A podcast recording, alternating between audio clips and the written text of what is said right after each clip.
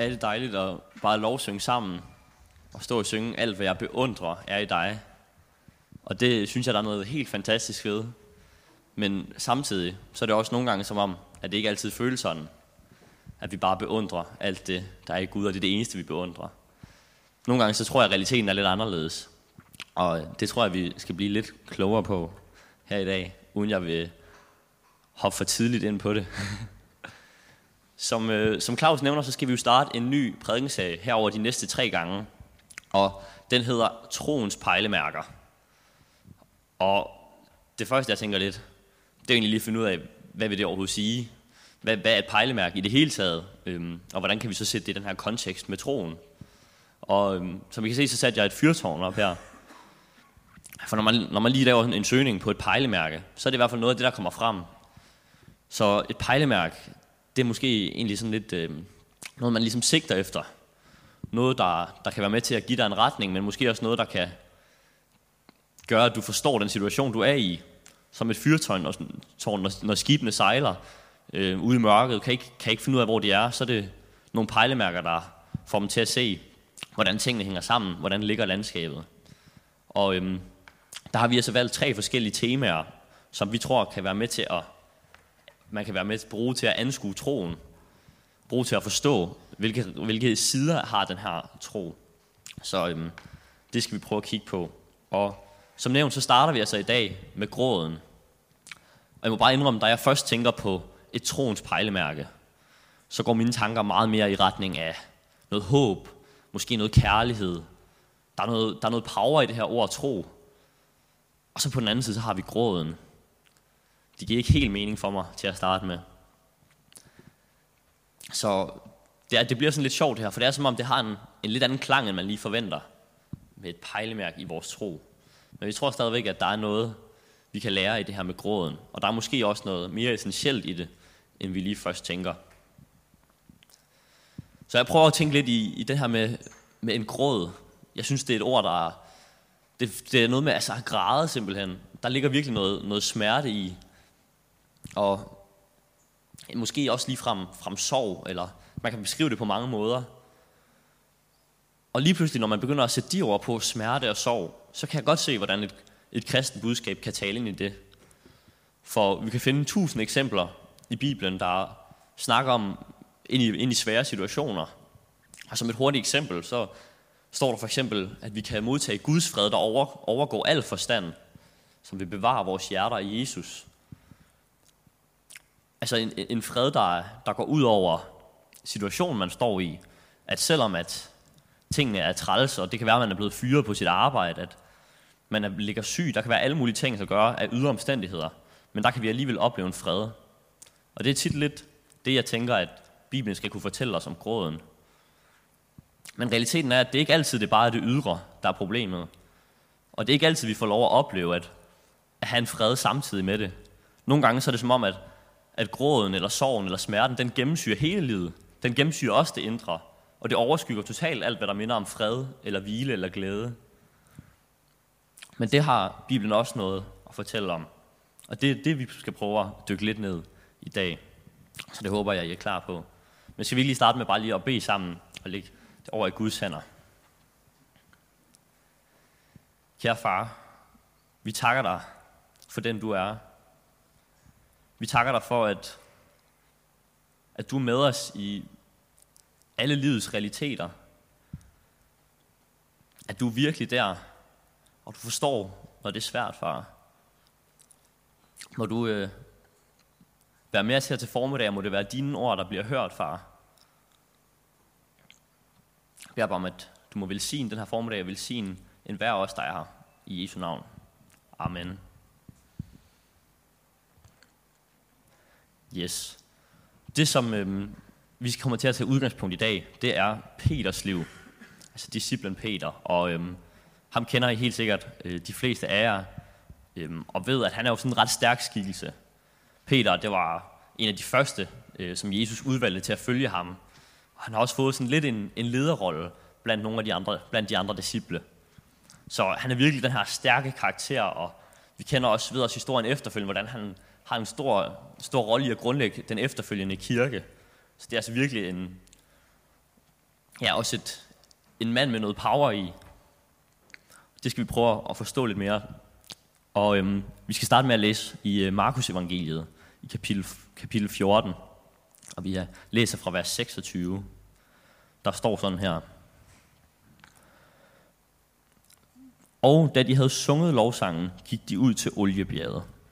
Og Jesus sagde til dem, I vil alle svigte, for der står skrevet, Jeg vil slå hyrden ned, så forerne spredes.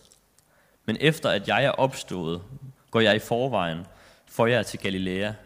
Peter sagde til ham, Om så alle andre svigter, så gør jeg det ikke. Men Jesus sagde til ham, Sandelig siger jeg dig, allerede i nat, før hanen galer to gange, vil du fornægte mig tre gange. Men han forsikrede endnu stærkere, om jeg så skal dø sammen med dig, vil jeg aldrig fornægte dig. Det samme sagde også alle de andre. Okay, så hvad er det egentlig, vi, øh, vi hører her? Vi er jo i situationen, hvor at, øh, Jesus øh, korsfæstelse og tilfangetagelse, den nærmer sig. Og øh, det er han godt klar over. Han, han er så sammen med disciplene her, og han fortæller dem, I kommer til at forråde mig. Men Peter, han er, er den, der ligesom tager ordet øh, på vegne af flokken og siger, nej, det kommer ikke til at ske. Og, og der ser vi igen den her leder, som vi, vi også startede med at karakterisere, karakterisere ham som. Han ligesom taler på vegne af de andre, og han er virkelig skråsikker i sin loyalitet til Jesus. Han siger, om så alle andre svigter, der, der adskiller han sig faktisk med de andre disciple og sagde, selv hvis, hvis alle de andre, der har fulgt dig, hvis de svigter dig, så gør jeg det altså ikke. Han er virkelig sikker på, at han vil selvfølgelig bare følge Jesus. Han siger, øh, om jeg skal dø sammen med dig, vil jeg aldrig fornægte dig. Han er virkelig villig til at gå hele vejen, i hvert fald lige her. Og det synes jeg, det er, ja, det er virkelig en stærk måde, at Peter han, han, han bliver skildret her. Han er virkelig, altså, han er virkelig trofast, og det er virkelig også det billede, han har af sig selv. Ja, men øhm, som historien er, som øh, de fleste nok kender, så øhm, går det lidt anderledes. Så øhm, lad os prøve at læse videre. Vi hopper til vers 66. Mens Peter var nede i gården, kom en af ypperste præstens tjenestepiger forbi, og da hun så ham sidde og varme sig, kiggede hun på ham og sagde, du var også sammen med ham, Nazareeren Jesus. Men han nægtede det og sagde, jeg hverken ved eller forstår, hvad du mener. Så gik han ud i portrummet, og hanen galede. Og pigen, som havde set ham, sagde så igen til dem, som stod der. Han der er en af dem, men er der nægtede han det. Lidt efter sagde de, som stod der, endnu en gang til Peter. Jo, sandelig er du en af dem, du er jo også fra Galilea. Der gav han sig til at bande og svæve. Jeg kender ikke det menneske, I taler om. I det samme galede hanen anden gang, og Peter huskede det ord, Jesus havde sagt til ham. Okay, så øhm, situationen er her, hvor Jesus er blevet taget til fange, og han er i gang med at blive sat for rådet, han bliver forhørt, og han bliver, bliver pint, og de er, han er virkelig i den her voldsomme situation, Jesus nu, hvor at klimakset virkelig er på vej. Og det, som Peter har gjort, han har, han har fulgt ham lidt på afstand.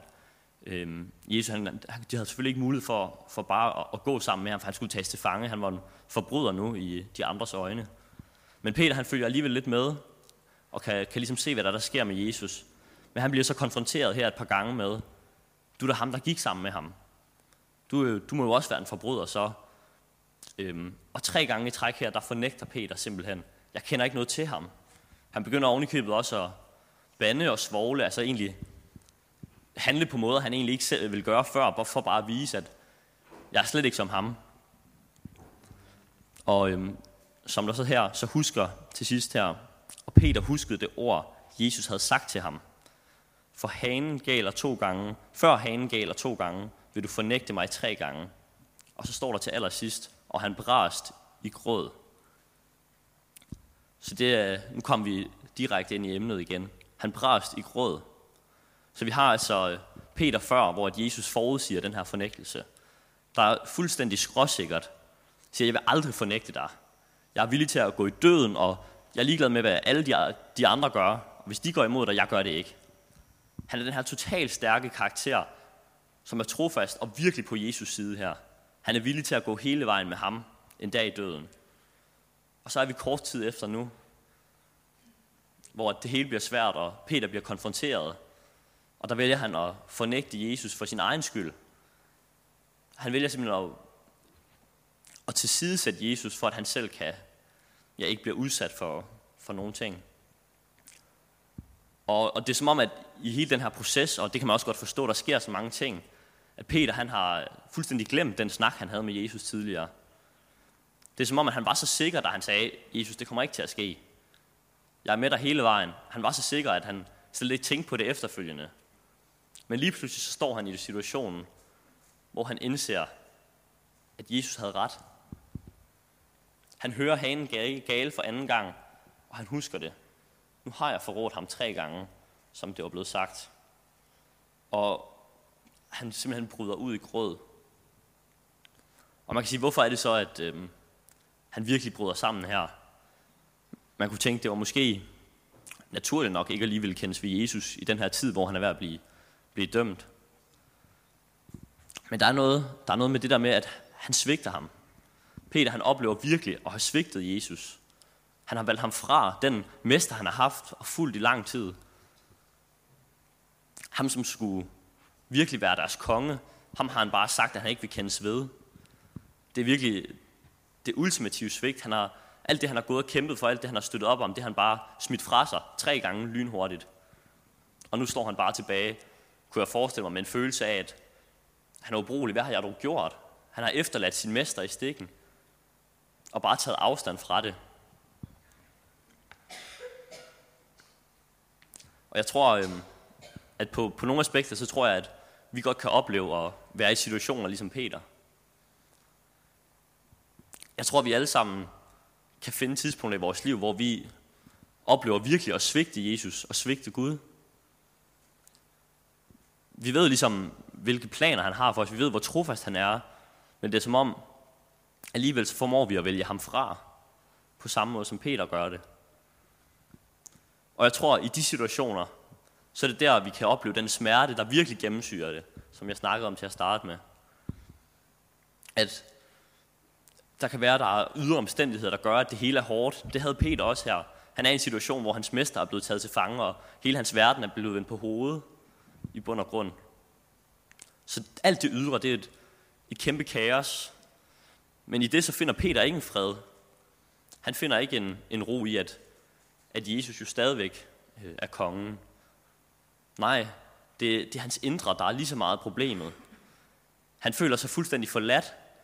Han føler, at sin, hans mester bare er gået bort fra ham, og han bare er efterladt håbløs og alene. Og i det så har han ovenikøbet selv sagt nej til at, at følge Jesus. Han har fornægtet, hvem han er, og han har svigtet ham. Og jeg tror også, at vi kan stå i sådan nogle situationer, hvor vi virkelig oplever at vælge Gud fra. Jeg tror faktisk muligvis, at det kan, vi kan opleve det langt mere, end, end bare Peter måske har gjort. Måske i, i større og mindre grad. Det, nogle gange så tror jeg ikke helt, at vi får den samme konfrontation, som Peter har, fordi han har gået ved siden af Jesus. Men i bund og grund så ved vi, at det er det samme for os. At vi har et liv sammen med Gud. En Gud, der, der følger os hele tiden. Viser os vejen, er med os. Vi ved det godt. Vi har lært det, og vi er vokset op med det. Men alligevel, så er der så mange gange, og jeg kan nævne så mange eksempler i mit eget liv, hvor jeg sætter Gud til side.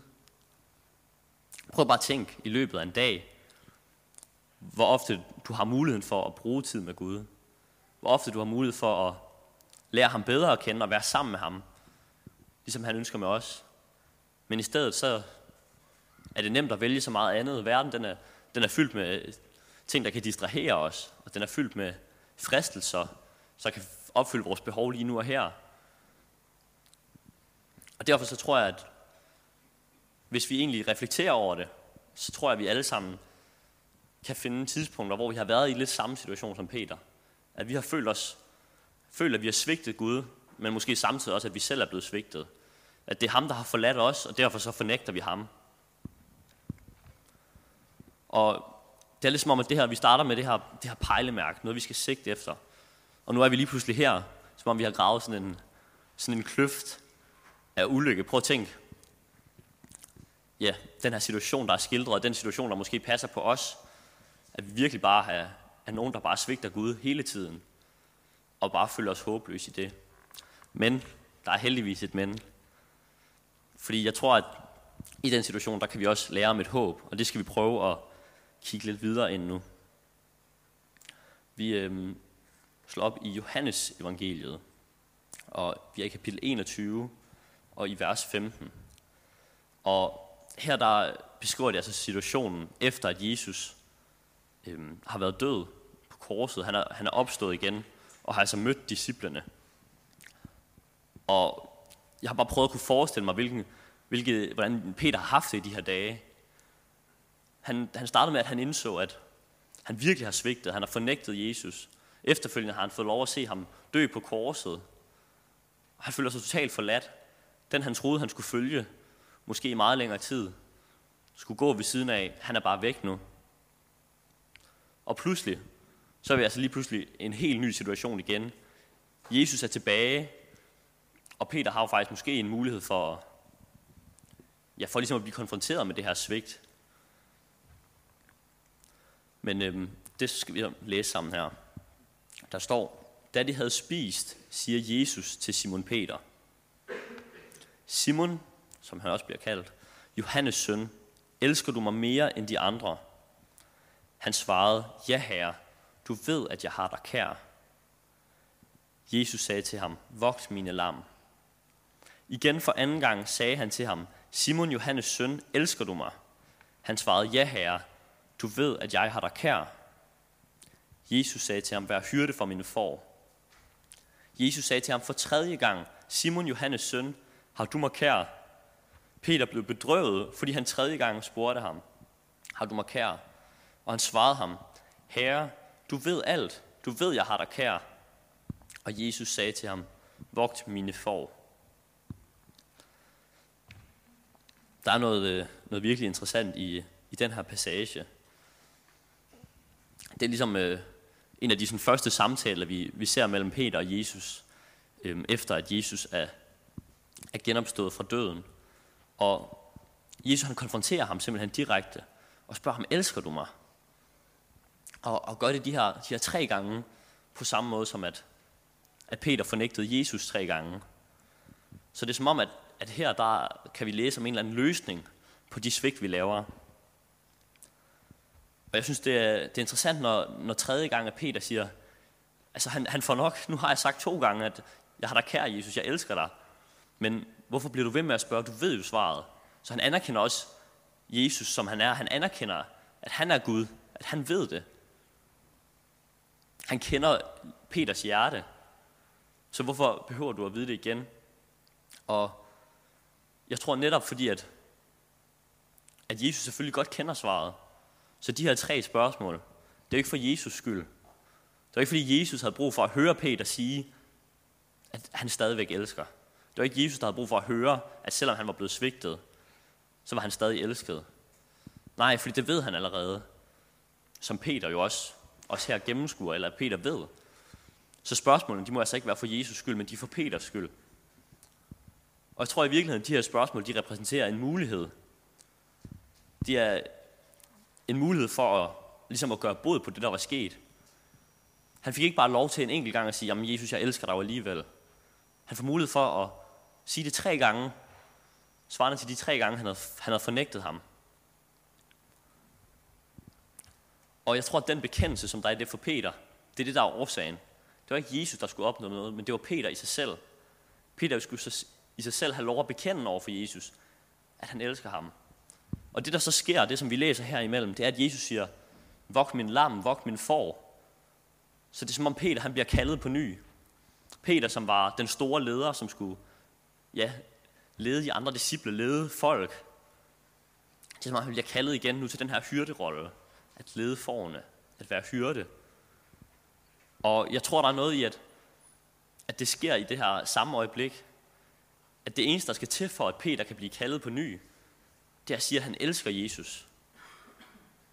Han skulle ikke begynde at, at gøre bod på nogle ting. Han skulle ikke begynde at retfærdiggøre sig selv ved at ja, gå ud og gøre en masse nye gode gerninger, eller tjene Jesus på andre måder.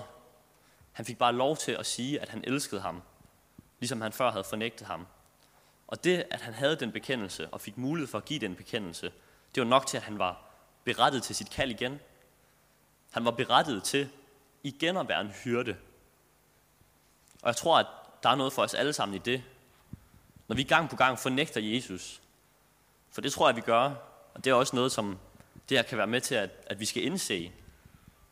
Vi svigter Jesus gang på gang, fordi vi vælger andre ting i livet.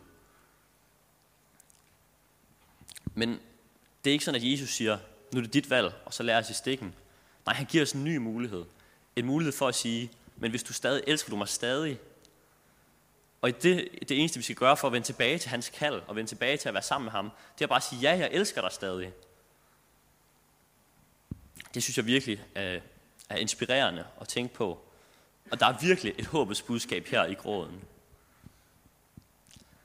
Det, det her det er noget, som øh, C.S. Lewis også lidt har, øh, har behandlet, og jeg har taget noget med fra bogen øh, Fælles Kristendom, som jeg lige vil, vil læse op. Der står sådan her. Derfor er det på en måde sådan, at vejen tilbage til Gud er en vej af moralsk stræben, hvor vi anstrenger os mere og mere. Men på en anden måde er det ikke disse anstrengelser, der nogensinde vil føre os hjem. Alle forsøg fører os frem til det afgørende øjeblik, hvor vi må vende os til Gud og sige, du må gøre det, jeg kan ikke. Så det, som C.S. Lewis mener her, det er altså den moralske stræben, Altså forsøget på virkelig at leve op til alt det, som Gud har for os. Og, og man kan sige, det er lidt det Peter han gør. Han lever virkelig et liv, hvor han bare ønsker at gøre det helt rigtigt. Han siger, da han blev øhm, for at vide, at han vil fornægte Jesus, han siger, nej, jeg vil gå hele vejen med dig. Han prøver virkelig at gå all in for Jesus. Og C.S. Lewis tror, der er, en, er noget essentielt i det, at vi gør det på samme måde. At den her moralske stræben, hvor vi virkelig bare prøver mere og mere. Det er det, der er vejen tilbage til Gud, ligesom at Peter kommer tilbage og bliver forenet med Jesus. Men dog, selvom det er de her moralske stræben, der bliver, bliver vejen derhen, så står der også, som er sådan lidt paradoxal måde at skrive det på, meget interessant, at på en anden måde, så er det ikke de her anstrengelser, der nogensinde vil føres hjem. Men alle forsøg føres frem til det afgørende øjeblik, hvor vi må vende os til Gud og sige, du må gøre det, jeg kan ikke. Så jeg tror, at hver gang vi oplever at svigte Gud, hver gang vi oplever at gå af forkerte stier, og vi oplever at vælge ham fra, på samme måde som Peter gør det, det er der, vi bliver ramt af gråden, vi bliver ramt af smerten. Vi føler os forladt, og vi føler, at vi har svigtet. Og den eneste grund til, at vi kan nå dertil, det er faktisk ved at prøve. Det er virkelig ved at prøve at gøre det. Hvis man bare lever sit liv lidt halvt, og er lidt ligeglad med, hvad der er rigtigt og forkert og op og ned, så vil man altid kunne sige, at jeg kunne, nok, jeg kunne nok leve perfekt, hvis jeg bare prøvede lidt mere. Og jeg tror, det er det, som der er ved det her, som Peter øh, eksempel også viser, at når vi virkelig går all in for at følge Jesus, det er der, at vi oplever, at vi overhovedet ikke kan. Og det er det, som C.S. Lewis kalder for et afgørende øjeblik. Så altså midt i den her gråd, som virker så forfærdelig og uretfærdig nogle gange, det er altså i virkeligheden et afgørende øjeblik. Så prøv at tænke, at den situation, som ved første øjekast kan virke som helt forfærdelig, det i virkeligheden kan være et vendepunkt for os i vores liv. At det er det øjeblik, hvor vi får mulighed for at erfare, ikke bare forstå det, som man har lært det, men virkelig erfare i vores hjerter og i vores krop, at jeg ikke kan. Og der, der rækker Jesus altså ud efter os, så vi bare kan sige, ja, jeg elsker dig og han vil kalde os på ny. Det synes jeg simpelthen er et helt fantastisk vidnesbyrd, vi har i Peters historie. Og jeg tror ikke, at det her afgørende øjeblik bare er noget, vi, vi vil opleve en gang i livet. Jeg tror, det er en gentagende proces med at prøve og prøve og fejle og fejle og sige, Gud, så vælger jeg dig. Og så siger jeg, du må gøre det, for jeg kan ikke. Så det er din nåde, der må herske. Fordi min egen min egen øh, bedrifter vil slet ikke kunne opnå det. Så jeg tror, det budskab, som jeg virkelig håber, at vi kan tage med os i dag, det er, at i gråden, når vi føler os forladt, vi føler, at Gud har svigtet os, på samme måde som Peter så, at Jesus forlod ham. Vi føler os helt for os selv. Og i det, der vælger vi også at vælge Gud fra. Så vi skubber ham også væk. Men lige i det moment, der er der en særlig mulighed. Der er en håndsrækning, som jeg tror, at det er vores opgave at tage imod. Der er en håndsrækning af kærlighed og det største håb overhovedet. Og den, den håndsrækning går bare ud på at sige, ja Gud, jeg har fejlet, jeg har svigtet dig, men jeg elsker dig alligevel. Og alene af den grund, så bliver vi kaldet på ny på samme måde som Peter. Jeg tror, der er noget med det her med, at det er som om, at vi må opleve vores eget nederlag, for at vi kan tage imod Jesus sejr. Så længe at det bare, vi bare føler, at vi kan selv, så er der ingen grund til at sige, at der er en anden, der skal gøre det for os. Men vi er simpelthen nødt til at opleve det her nederlag, og derfor så har gråden eller smerten, den har fået en helt ny betydning for mig, ved at blive bevidst om det her. At jo, det er ikke fordi, at det ikke kan være lige så hårdt at være i. Det er ikke fordi, det er lige så, det er ikke fordi, det bliver rarere. Men man forstår bare, at der er noget, der er endnu større, og noget, der er endnu vigtigere. Og at Gud faktisk bruger den her svære proces. Han bruger gråden. Og han bruger den til at vise os vores nederlag, så at vi kan sige ja til Jesus sejr, ved bare at sige, at vi elsker ham. Og jeg tror faktisk bare, det er det, jeg, jeg gerne vil slutte på. At midt i gråden, så sejrer Jesus i os. Lovsangen må gerne øh, gøre klar, og så vil jeg bare slutte af med at, at bede sammen. Men jeg har ikke lyst til bare at rejse os op, så vi er klar til at så gå ind i lovsang. Kære far, vi takker dig for din håndsrækning til os.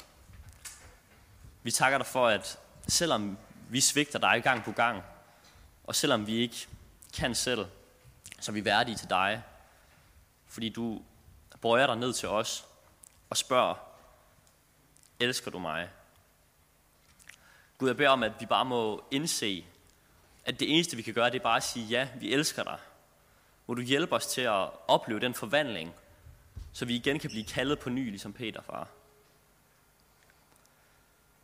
Far, vi takker dig bare for den ufattelige gave, det er. Vi takker dig for det ufattelige håb, som du har givet os. Og vi beder sådan om, at du må hjælpe os til, at vi kan forstå det mere og mere dag for dag. I Jesu navn. Amen.